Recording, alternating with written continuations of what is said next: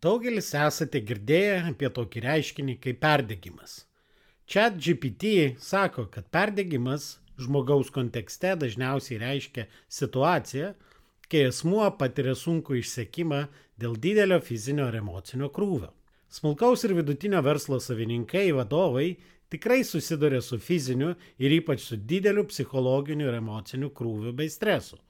Todėl jie vieni pirmųjų kandidatų į perdegimo aukas – Bet ar šis reiškinys tikras, o gal tai tiesiog dar viena mada? Apie tai šiandieninis pokalbis.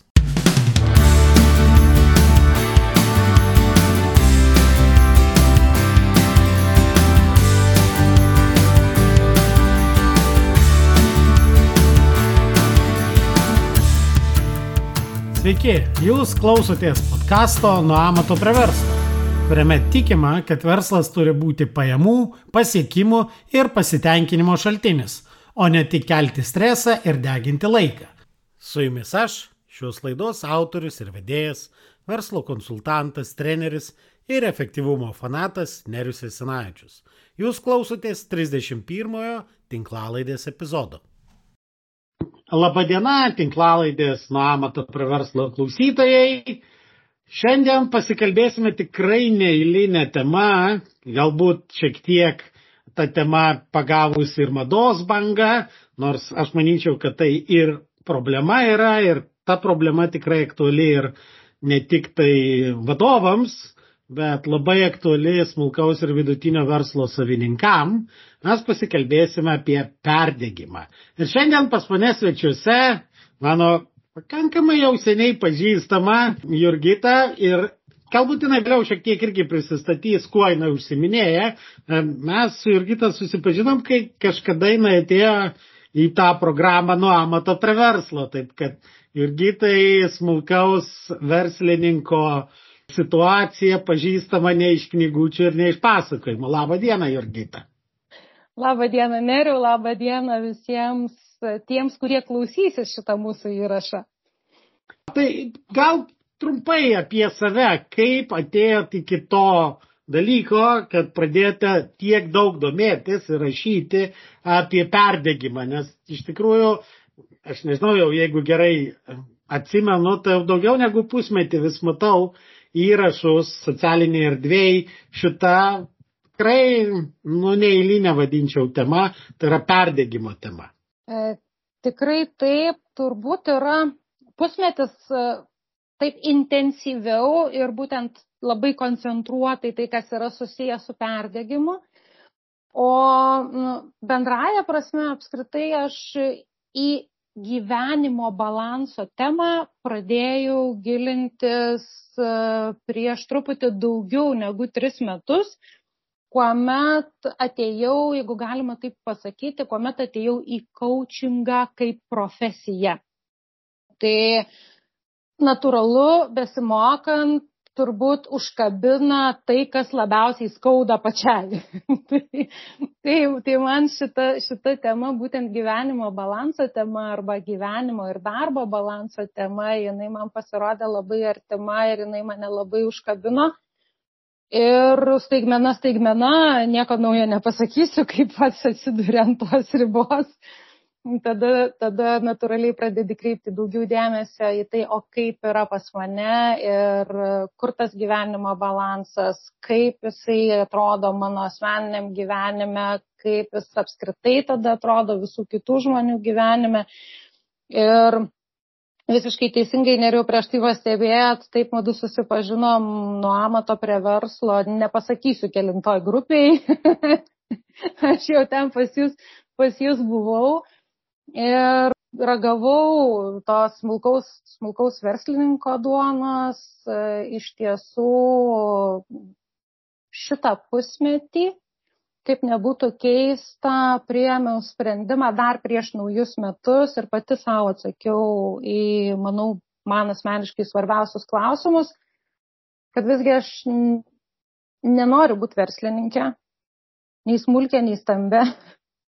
ir, ir nusprendžiau, nusprendžiau grįžti į amatą, nes coachingas ir coachingo profesija visgi labiau yra amatininko profesija.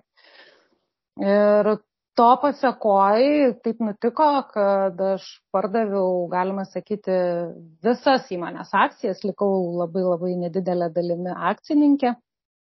Ir išėjau balansuoti, išėjau dėliotis nuo savo to gyvenimo balanso, nes jaučiausi tikrai perdegusi tikrąją to žodžio prasme.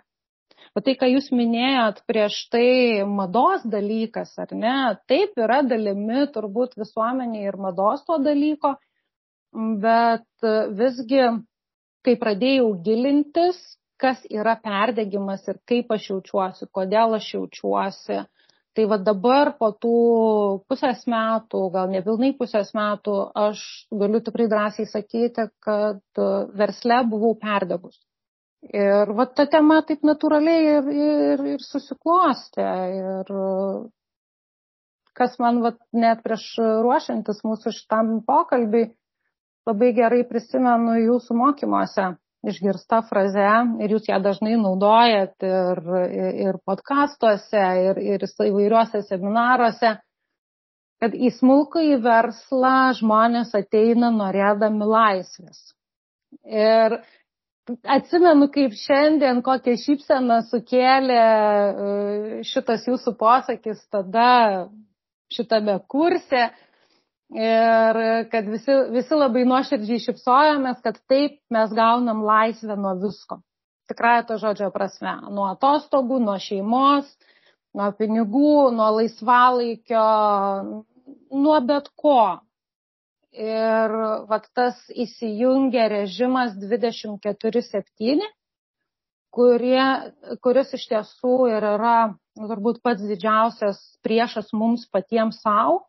Ir tas mūsų mąstymas iš tikrųjų vat, smulkaus verslininko, e, savininkų, vat tame ir yra, kad tu esi darbe, jeigu taip galima išsireikšti, arba tu esi versle 24 valandas paroje. Taip, neseniai irgi išgirdau tokią frazę. Sako, tapęs verslininku, tu įgauni visišką laisvę pasirinkti, kurias 20 valandų per parą tu dirbsi. va, va, va. Tai čia dar 20 valandų, dar 4 matyt vis tiek yra paliekamos tam tikra prasme, na, bent tam kaž, kažkokiam. Nusnaus, nu kažkiek. Kažkokiam, nusnaus. kažkokiam miegui, ar ne, va tam nusnaudimui. Tai va, tai mano tas kelias iki, iki šitos temos buvo toks ir taip, daug teorinės medžiagos perskaityta, daug domėtasi, bet žinau ir neišnuogirdų. O kas tai yra ir kaip žmogus tame jaučiasi. Dar prieš pereinant prie detaliau, kas tai vis dėlto yra ir kas nėra tas perdegimas, mano klausimas dažnai tenka irgi, kadangi dirbam su tom metodikom ir japoniškom, tą vadinamą Toyotos gamybos sistemą ar, ar, ar tuo pačiu lynu, tai vat man dažnai iš japonų kolegų e, tenka išgirsti tokį pasakymą, kad japonai nesistengia pasiekti balanso Aha. gyvenime. Jie šneka apie harmoniją. Ir vad būtent jie nebalansuoja gyvenimą. Nu, va toks įdomus man kas užkliuvo, nes jie sako balansas, tai visada kaip buhalterinis balansas, jis toks saliginai dirbtinis. O vat harmonija, tai vat būtent harmonija, tai yra vat kai tu, vat ta, to balanso nėra, bet yra harmonija. Kažkam harmonija gal ir yra tam tikrų gyvenimo metu tos 18 darbo valandų į dieną, o kitam galbūt harmonija ir 3 valandos darbo į dieną. Toks vat irgi klausimas, ar, ar negeriau būtų vat tas pats terminas, ne, būtent ne, ne balansas, o, o harmonija. Čia turbūt e, vėlgi požiūrio klausimas ir kaip be pavadinsi. Man asmeniškai balansas ir harmonija yra vienas ir tas pat. Bet čia man. Kitam, vat, jūsų bičiuliams ir kolegams Japonijoje, harmonija yra arčiau negu, negu balansas psichologų teigimu yra va toks, toks teiginys, kad e, žmogus jaučiasi gerai, idealiu atveju, jeigu jo gyvenime vyrauja 3 aštuonetai.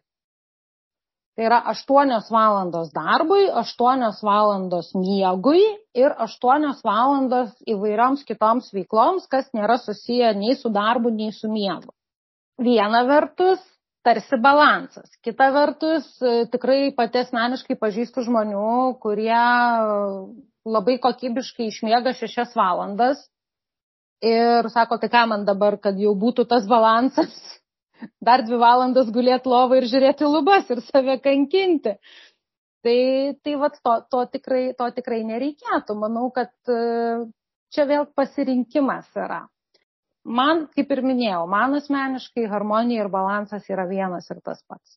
Man, pirmą išsilavinimą turinti buhalterinę apskaitą ir auditą, balansas dažniausiai buhalteriai sukelia stresą, nes jisai dažniausiai iš pirmo karto nesusieina Na ir ten krūva įvairiausių bėdų, taip kad už tai aš ir jokiuosi, kad man vis dėlto japonų tas harmonija mieliau negu balansas. Bet tai čia iš tikrųjų, aš manau, daugiau filosofinis toks ir, ir terminologijos klausimas negu, negu ten esminė problema.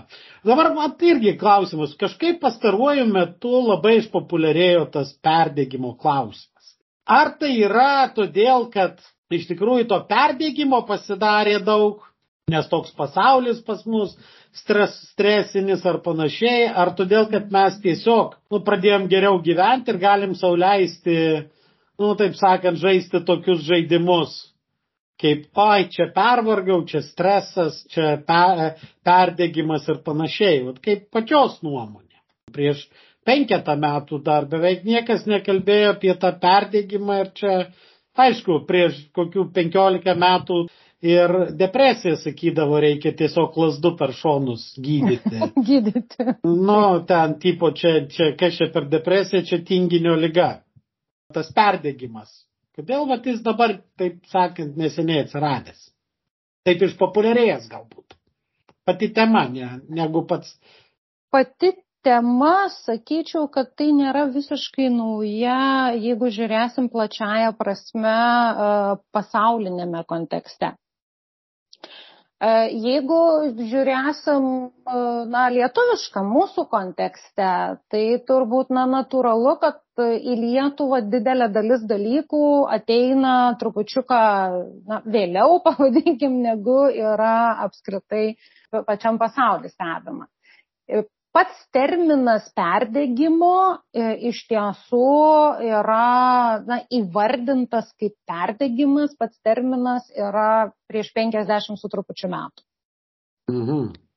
Tai, tai nėra visiškai, visiškai na, naujiena, bet tam pasauliniam kontekste. Jeigu žiūrėsim dar anksčiau, tai iš tiesų 2000 metų plus yra stebimos įvairiuose literatūrinėse šaltiniuose yra aprašyta. Aišku, tai vadinosi m, mm, truputį kitaip, tai buvo ir melancholija, tai buvo ir neurastenija, kol finale, na, mokslininkai, psichologai, vienas iš jų vokiečių, amerikiečių psichologas, vokiečių kilmės, Herbertas Freunderbergas, tiesiog įvardino šitą terminą būtent taip, kad tai yra perdegimas. E, Lietuvoje man asmeniškai na, neteko susidurti su kažkokiais moksliniais straipsniais būtent, būtent lietuviškame kontekste, tai tikiu, kad na, ilgainiui atsiras ir pas mus tyrinėjimų, kaip Lietuvoje, kaip Lietuvo žmonės į tai reaguoja, bet tikrai yra nemažai autorių, tų pačių amerikiečių, kurie daug rašo apie tai, mokslininkai, psichologai, terapeutai, sociologai, tai, tai šita tema jinai nėra tokia nauja. Kodėl pas mus e, ji yra tokia, na, saliginai nauja, tai tiesiog, na, turbūt dėl to, kad vėlgi gal žmonės pradėjo daugiau domėtis, daugiau skaityti, kažkas atsivežė tą terminą, kažkas pradėjo daugiau kalbėti ir, vat, taip ir, ir ateina, na, kaip ten sako, kiekviena mada, jinai kažkur turi prasidėti, ne kad jinai ateitų iki, iki mūsų. Tai va ir, ir su tuo pačiu perdegimu yra, yra lygiai taip pat. Aš kitą dar momentą pastebiu e, tiek bendraudama su, su klientais, tiek šiaip bendraudama su žmonėm, kad dažnu atveju nėra tie patys dalykai, na, vadinami tuo tikruoju vardu. Tarkim, tas žodis perdegimas, na taip, jis dabar yra, pavadinkim, ant bangos, kaip prieš kažkurį tai laiką buvo ant bangos uh, mobbingas, jeigu, jeigu pastebėjot, ar ne, vat buvo ten tokia vat banga, kad na, visi buvo ant, to, ant tos bangos ir dabar, aišku, jinai dar tebėra, bet dabar jau apie tai kalbam truputį mažiau, nes na, atsirado specialistai, kurie atskyrė, kas yra tikrasis mobbingas ir kaip jau ten žmonės e, tuo naudojasi šitų terminų, nebūtinai įvardindami tai, kad tai yra būtent na, šitas reiškinys mobbingo. Tai lygiai tas pats ir su perdegimu. Taip, žodis, na, pavadinkim, gražus, naujas ir yra galimybė e, jo žongliruoti, na, parodant savo vienokį ar kitokį pavargimą. Nes jeigu žiūrėsim, kas yra tikrasis perdegimas, iš viso na, yra tos penkios stadijos, tas neatsitinka per naktį. Ir tas tikrasis perve, pervargimas, ar ne, arba tas tikrasis perdegimas, tai realiai jis yra iš trijų, iš trijų tokių dedamųjų. Tai yra ir emocinis išsekimas, ir tas cinizmo atsiradimas, asmeninis neefektyvumas arba asmeninis savęs nuvertinimas. Tai va tie pagrindiniai simptomai, taip jeigu išsireiškint, kad tai yra tas tikrasis perdegimas. Beje, pasaulinė sveikatos organizacija šį sindromą 2019 metais įtraukė ir į tą vadinamą tarptautinių lygų, lygų sąrašą. Taip tai nėra lyga, bet tai yra sindromas ir kiek žinau, užsienyje žmonės net nedarbingumą gauna. Būtent remiantis, remiantis tuo, kad jiems reikia, na, oficialių, pavadinkim, atostogų nuo darbo. Bet čia jau su mediko, atostogos skiriamos su mediko paskirimu, o ne tada, kada žmogus ne, pats, pats savo pasiskiria. Bet mm. tokios atostogos mediko paliepimu Tai čia jau yra na, kraštutinis atvejis, kuomet jau žmogus ateina pas, pas gydytoją visiškai, visiškai išsekęs ir jam nieko kito negali išrašyti, kaip tik tai lovos režimą, lašinės ir absoliutų poilsį. Tai vat, kas yra tas perdėgymas? Vat, aš ryte atsibundu ir tingiu keltis, uh, nes, nu, vat, už lango lyja, arba kaip tik saulė šviečia, vat, nenoriu eiti darbą, ai, nu, vat, nu, vat, nenoriu. Ir, ir įkvėpimo nėra dirbti, ar aš galiu sakyti, kad jau va, čia man prasidėjo tas perdegimas. Ar vis dėlto tai yra kažkas e, kitaip? Ir kaip, nu, pastebėti, ypač šitiem smulkaus ir vidutinio verslo savininkam, kuriem šansai perdegti tikrai yra didesni dėl darbo krūvio, dėl, dėl tos kasdieninės rutinos specifikos. Kaip pastebėt, kad nu jau kažkas ateina negero ir laiku imtis veiksmų, kad nereiktų gulėti su tom lašelinėm ir, man sakant, kad išvengti tos pačios jau blogiausios krizės. Dalinai, vat man iškart norisi užduoti klausimą. E, jeigu tik tai lietui lyjant jums nesinori keltis iš lovos, nes, nu, va, žvarbu, darganota, šalta ir tiesiog mieliau norisi gulėti po, po antklode. Tai kaip dažnai tai būna, ar tik tai kai lyja, ar, na, kiekvieną rytą jau pakilti iš lovos reikia labai labai didelių pastangų. Nes jeigu kiekvieną rytą pakilti iš lovos reikia didelių pastangų ir tas toks na, vidinis jausmas yra, kad jaučiuosi, nu, tarsi koks luitas man ant, ant, ant, ant manęs uždėtas ir aš niekaip negaliu, negaliu iš po jo išlysti. Tai čia gali būti vienas iš perdegimo simptomų. E, bet jau čia to, to tokio jau kur link to tikresnio, ar ne, kai visiškai žmogus neturi nei emocinių, nei fizinių, nei psichologinių jėgų kažko veikti. Jeigu taip žiūrėti į tą kelionę link perdegimo, nes tai, ką aš ir minėjau, tai neatsitinka per naktį. Nugi nebūna taip, kad, vat, kaip jūs neriu ir sakot, atsikė, vieną rytą nubudau ir, ir sugalvojau, kad man čia dabar perdegimas, nes aš tiesiog šiaip nenoriu, nenoriu e, kilti iš lovos gali būti, kad jūs tiesiog nekokybiškai miegojot, gali būti, kad jūs tiesiog esat šiaip pavargęs. Nu, va tiesiog pavargęs, ar ne, bet tai dar nebūtinai yra perdegimas. Nes e, jeigu visiškai žmogus nesir, na, nesirūpina savo rutina, o tai, kas dažnai nutinka su verslo savininkais, e, su smulkiaisiais verslininkais, ką mes jau prieš tai kalbėjom. Režimas yra 24-7 ir vis, visą žmogų tarsi pasiglemžia darbas, profesinė veikla, verslas. Nebelieka dalykų, nebelieka laiko niekam kitam. Tai patys paprasčiausi turbūt pastebėjimai, draugai pakviečia, nežinau, susitikti. Tu sakai, neturiu laiko ir neturiu laiko dėl to, kad mintise sukasi, dar turiu padaryti krūvą darbų tu grįžti iš tų pačių darbų, iš biuro ar, ar namuose dirbi, bet pasibaigė, pavadinkim, darbo laikas, tu esi šeimoje, bet tavo galvoje vis tiek nuolatos sukasi darbas, problemos, skambučiai, galvoji nuolat apie tai, kad kažkam neatsakiau, kažkokio tai laiško, neparašiau kažkokio tai rašto, va šiti ir tie dalykai sėdi pas tave nuolatos galvoj čia yra dar vienas momentas, kad tu jau artėji link jau tos ribos, kuomet galimai tau gali prireikti lašinės. Pradeda erzinti kolegos ar, ar ten darbuotojai, jeigu, jeigu tu turi na, komandą dar ar ne, ateina žmonės, kad ir su, atrodytų, na, paprastų klausimų, galbūt tikrai nesupranta, uždavė klausimą, tau viduje jau kyla erzelis, kodėl jie patys negali atrasti kažkokių sprendimų.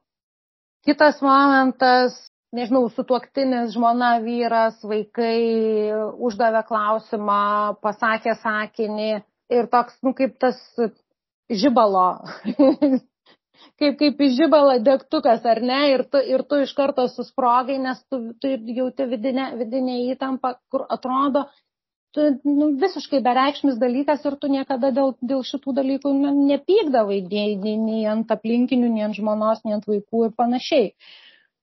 Tai vat visi, visi tokie dalykai dar, tarkim, kaip aš dažnai vadinu, rūkų galvoj, nu tu atsisėdai daryti kažkokį tai darbą, pas tave galvoj tuščia. Nu visiškai, jokių minčių. Ir tai nėra tingėjimas, bet nu, tu tiesiog žinai, kad tu turi padaryti, bet ir vėl tu atsisėdęs prie to paties kompiuterio visiškai neturi vidinių jėgų kažką veikti. Arba mūza tai, netėjo.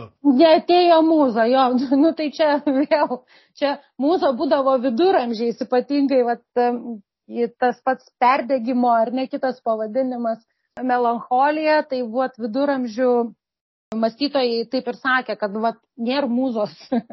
ne? tai, Tai čia vat yra, yra apie tuos dalykus. Dar kas nepaaiškinamas vidinis kalties jausmas. Vat žmogus nepadarė dalykų, kyla vidinis nerimas ir iš karto kyla vidinis kalties jausmas. Aha, aš dabar va čia, tarkim, išėjau su draugais, nu prisiverčiau, išėjau su draugais, sėdžiu, tarsi bendrauju, bet viduje jaučiuosi kaltas kad nesėdžiu biure ir nepildau kažkokios ten, nežinau, kažkokio tai dokumento, nedirbu su klientais. Tai va tas, kai kūnas yra vienur, o mintis vis tiek yra darbe, tai vėlgi yra ženklas, kad tu jau artėjai link na, to negerojo, vadinkim, perdegimo arba to tikrojo perdegimo. E, dažnų atveju lydi žmonės tokie dalykai, kaip e, apetito sutrikimai. Arba žmogus nustoja valgyti tam tikrą prasme, arba jis kaip tik valgo. Nu, va, ištisai, užkandžiavimas, apetito soties jausmo nebuvimas ir panašus dalykai. Tiesiog nesutrinka, sutrinka mytyba, sutrinka miego režimas. Pavyzdžiui, nega, iš vakaro ilgai negali užmigti arba labai dažnai naktį nubunda, nubunda besisukant įvairiams mintims. Pavyzdžiui, užmėgi, iš nuovargio Pamiegi 2-3 valandas, nubundi, na ir paskui 2-3 valandas ištisai sukasi mintis ir ištisai, aišku, jos sukasi apie darbą ir va čia jau prasideda vėlgi visokie, visokie dalykai. E, nepasitenkinimas savim. Nesiseka, ai, aš čia nieko nepadarau gero, esu visiškas nevykėlis, vat visi tokie saviplakos reiškiniai irgi, irgi tai yra požymis, kad na, reikėtų pradėti savim savim susirūpinti, nes tikrai nėra taip, kad žmogus nepadaro nieko. O tai kaip gydytis ar profilaktiškai vengti to pervargimo? Užtenka pailsėti, ar kažką jau reikia, nu, rimčiau? Nu, va, jeigu, kaip ten sako, ypač e, buvo, galbūt dabar jau mažiau, bet anksčiau labai populiaru, mes čia smarkiai dirbam, bet ir žaidžiam smarkiai. Nu, tas work hard, play hard. Penktadienį išėjau su draugais, į sąmonę grįžau sekmadienį apie pietus. Tai čia, kam tokie dalykai padeda nuo to perdėgymo, ar vis dėlto nelabai? Mano supratimu, tai nelabai, nes kuomet žmogus grįžo į sąmonę sekmadienį antroji dienos pusiai, ir jeigu jam grįžus į sąmonę pradeda suktis mintis, o dieve, ryt pirmadienis ir vėl į darbą, tai tai nebus išeitis. Taip, poilsis yra reikalingas ir turbūt, na, pajutus tuos jau rimtus simptomus, ar net ten miego sutrikimai, skrandžio virškinimo sutrikimai, kas jau, jau fiziologiškai pasireiškia, tai, tai, tai čia jau tikrai reikalinga yra tiesiog atostogos, bet tikrąją to žodžio prasme atostogos. Kuomet e, yra ne tik e, išjungiamas kompiuteris, bet jis yra ir paliekamas, nežinau, biure, jeigu darbas yra iš biuro, kuomet iš e, asmeninio telefono yra ištrinamas elektroninio pašto, darbinio elektroninio pašto paskiros, kad na, neapipsėtų laiškai ir panašiai. Tai, tai šitie, šitie dalykai jie tikrai yra reikalingi ir jeigu užtenka pailsėti, kartais tikrai vat, mes maišom perdegimą su pervargimu. Kur tikrai žmogus yra na, tiesiog pervargęs nuo tos nuo nuolatinės uh, darbinės rutinos, ar ne? Tai tikrai tokiu atveju na, pakanka tos rutinos na, pakeitimo, atsijungimo, išvykimo atostogų, ar net ir elementariai pabuvimo namuose per atostogas, nebūtinai ten į kažkokius šiltus kraštus išvykti, bet pabūti namuose per atostogas ir užsiimti kitomis veiklomis, kas nėra darbas. Na, aš tai mhm. vadinu išjungti smegenis nuo darbinės veiklos. Bet tas nutrukimas, vat ką jūs minėjote, jeigu tas nutrukimas, grįžimas į sąmonę yra na, dėl to, kad tai yra savaitgalis paskandintas e, alkoholyje, tai tai nėra poilsis. Problemos, kaip nebūtų keista, nu jos alkoholija neskesta. mes galim šiek tiek užpilti, bet jos nu nenuskesta. Ten mes greičiau prisidarysim rimtesnių reikalų ir kita priklausomybė atsiras ne tik nuo darbo, bet dar ir. Kaip ten, kaip ten sako, alkoholis nepadeda surasti atsakymo. Jis tik laikinai padeda užmiršti klausimą. Tai, tai vat, e, grįžtant prie to, o kaip, kaip na, nepatekti visų pirma, iš to išeiti visą laiką yra sudėtingiau, paprasčiau yra užsimti prevenciją ir nepatekti į tą, tą būseną. Tai be abejo yra tų patarimų labai labai įvairių. Vienas iš jų, mano galva, pirmiausia, tai stebėti save ir na, stengtis užduoti savo klausimus, stebėti savo emocijas. Kad ir tas pats sekmadienis, aš net vat ir vakar į, į, į savo viename iš socialinių tinklų įkėliau trumpą, trumpą tokį nuotraukėlę su trumpu, su trumpu klausimu, kad jeigu kiekvieną sekmadienį vien tik nuo minties, kad ryt pirmadienis ir reikės į darbą, tai pirmiausia užduok savo klausimą, kodėl kodėl šita mintis tave nupurto, kas ten yra tokio. Tai va tas savistaba ir klausimų savo uždavimas, jisai yra vienas turbūt tokių pagrindinių dalykų. Kitas momentas - pagalvoti apie ribų nustatymą. Būtent e, ribų savo darbo kontekste. Tas mokėjimas pasakyti ne, nes dažnu atveju vat, vadovai, smulkaus verslo savininkai, jiegi viską gali. Jiegi viskam sako taip. Jie, kai susidūrė su problema, visada užduoda klausimą, tik praėjusi laida buvo apie tai, kad užduoda klausimą, kaip aš tą turėčiau įveikti, vietoj to, kad pamastytų, o ką aš galėčiau surasti, kokį žmogų, kuris tą galėtų padaryti už mane arba bent jau man padėti. Bent jau man padėti. Tai va, va apie tai tas, na, išmokti sakyti ne e, yra turbūt vienas tokių sunkesnių sprendimų, nes Nu, taigi aš esu visagalis, aš dažnai va, irgi būna pajokavęs, sakau, tai palaukit, o tai dabar jūs esat supermenas, turit kažkokių supergalių, galite nevalgyti, nemiegoti, nu, ta prasme, galiu viską ir, ir viską galiu padaryti vienas. Tai va tas, tas pagalbos prašymas, tai ką jūs paminėjote, irgi yra labai labai, labai svarbus. Nes iš tikrųjų tai mes visi turim vienodus, pavadinkim taip, resursus. Mes turim savo žinias, turim laiką, turim pinigus ir turim aplinkinius žmonės. Ir dažniausiai, ką mes pamirštam, tai mes dažniausiai pamirštam va tą resursą aplinkiniai žmonės, kurie tikrai gali mums padėti, jeigu tik tai mes paprašom pagalbos. Nes, nu, jeigu, žinot, kaip tam anegdote, kur du psichologai kalbasi ant jūros kranto be, be matydami skęstantį žmogų, kad, o žiūrėk, šitas jau pasveiks, nes prašo pagalbos. Tai, tai čia lygiai, lygiai, ta pati, lygiai ta pati situacija. Tai kalbėtis galų gale, vad kartais e, dar ką pati per save perleidau ir e, na, nemanau, kad esu kažkokia labai unikali, kad niekas kitas to irgi neišgyvena. Labai uh, būna dažnai, kad uh, verslų savininkai, ypatingai vat smulkių verslų savininkai, visas problemas, visus sunkumus mes mėgstam laikyti savo. Nu, va čia tik su manim yra kažkas negerai. Aš nemoku, nesugebu, nežinau ir, ir čia tik man yra blogai.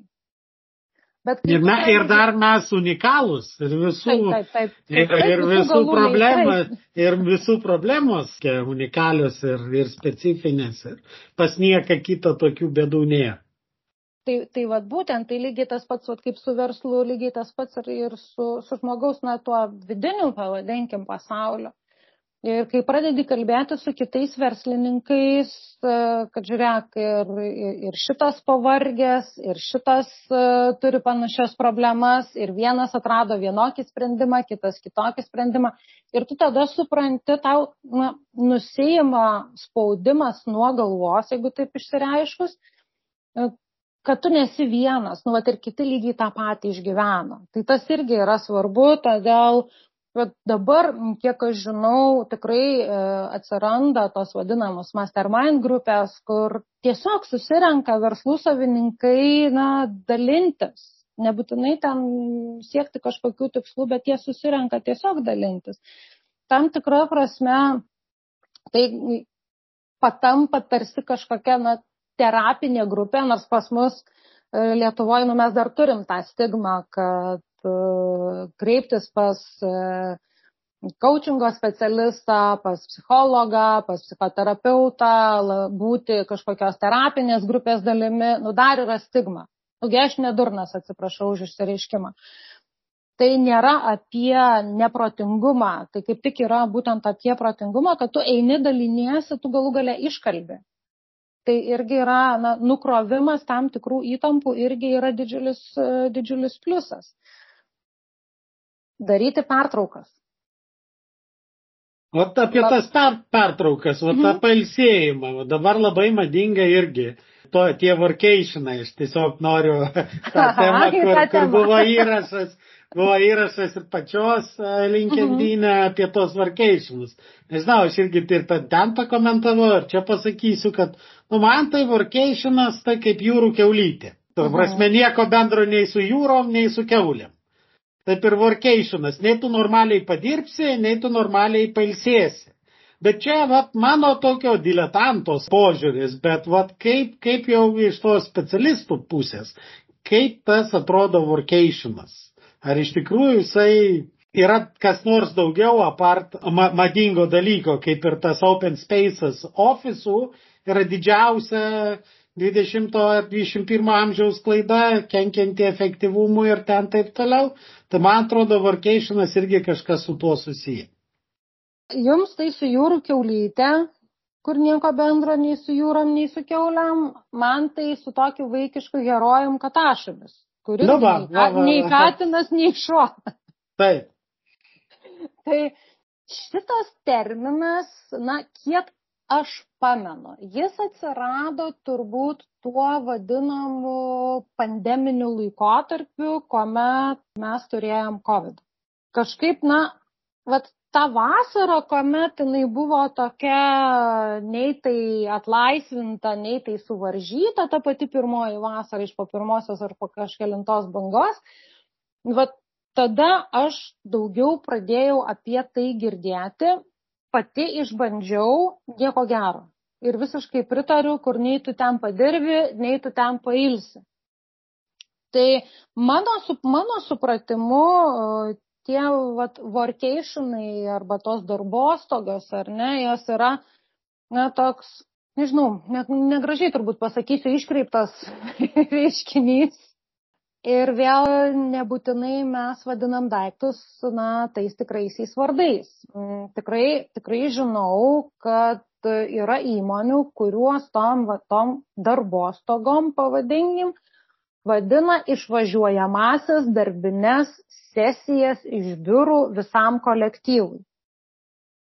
Tarkim, susirinkau mm, žaislus išvažiavau į sodybą, ten yra internetas, ten darom kažkokius, tai nežinau, brainstormus komandinius, e, dirbam ir po to, na, visi ten vakare kepam kepsnius, žaidžiam krepšinį, na, praleidžiam laiką kartu komandoje. Ne? Tai toks, nu, ale team buildingas. Tai iš tos pusės galbūt tai ir yra, nežinau, darbostogos. Na, e, atostogos su darbu. Tai yra atostogos su darbo kolektyvu. Bet jeigu mes bandom suderinti ne va tai atostogauju, bet dar karts nuo karto ir padirbu, tai tai nėra atostogos, nes žmogaus smegenys neatsijungia. Jos vis tiek nuolatinai yra įjungtos į na, darbinį režimą, gal ne tokį intensyvų, kaip kad na, tradicinio darbo periodo ar ne, bet jos vis tiek yra įjungtos į darbinį režimą ir vis tiek žmogus tada galvoja apie tai, aha, tai dabar turiu e, gerai ilgiau ryte pamiegojau, tarkim ar ne, bet vis tiek turiu patikrinti elektroninį paštą. Turiu įsijungti kompiuterį, pasižiūrėti, kas ten ko prirašė. E, gavau ten kažkokį tai skambutį, klientas nepatenkintas paskambino ar kolega su kažkokia problema paskambino, aš turiu užgesinti gaisrą, čia kas. Nesvarbu, kad tu sėdi pajūry galbūt ar ne, ir, ar ten kažkokioj Turkijoje, bet tu vis tiek tavo smegenys yra įjungtos į darbinį režimą. Ir jeigu jos va taip atostogų metu, kur tu neva atostogauji, bet tuo pat metu esi vis tiek įjungtam režime, tai įtampa ir stresas nuo to nesumažėja, jisai tik tai dar padidėja. Nes būtent tada atsiranda ir tas kalties jausmas. Būtent.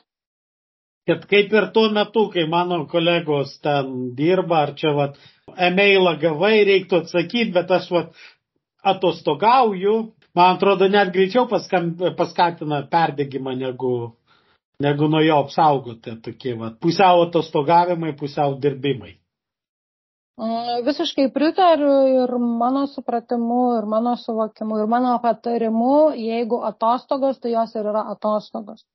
Elektroniniai paštai turi galimybę uždėti auto reply, kad aš šiuo metu atostogauju, esant reikalingiems klausimams kolegos numeris, kuris na, gali tau į tą klausimą atsakyti kaip pavyzdys, ar ne? Telefonas, e, jis gali būti kažkurį tai laiką ir išjungtas, arba vėlgi, jeigu kalbam apie tas pačias ribas, kas yra be galo sunku ypatingai verslo savininkam, tą žinau, na, iš savo asmeninės patirties.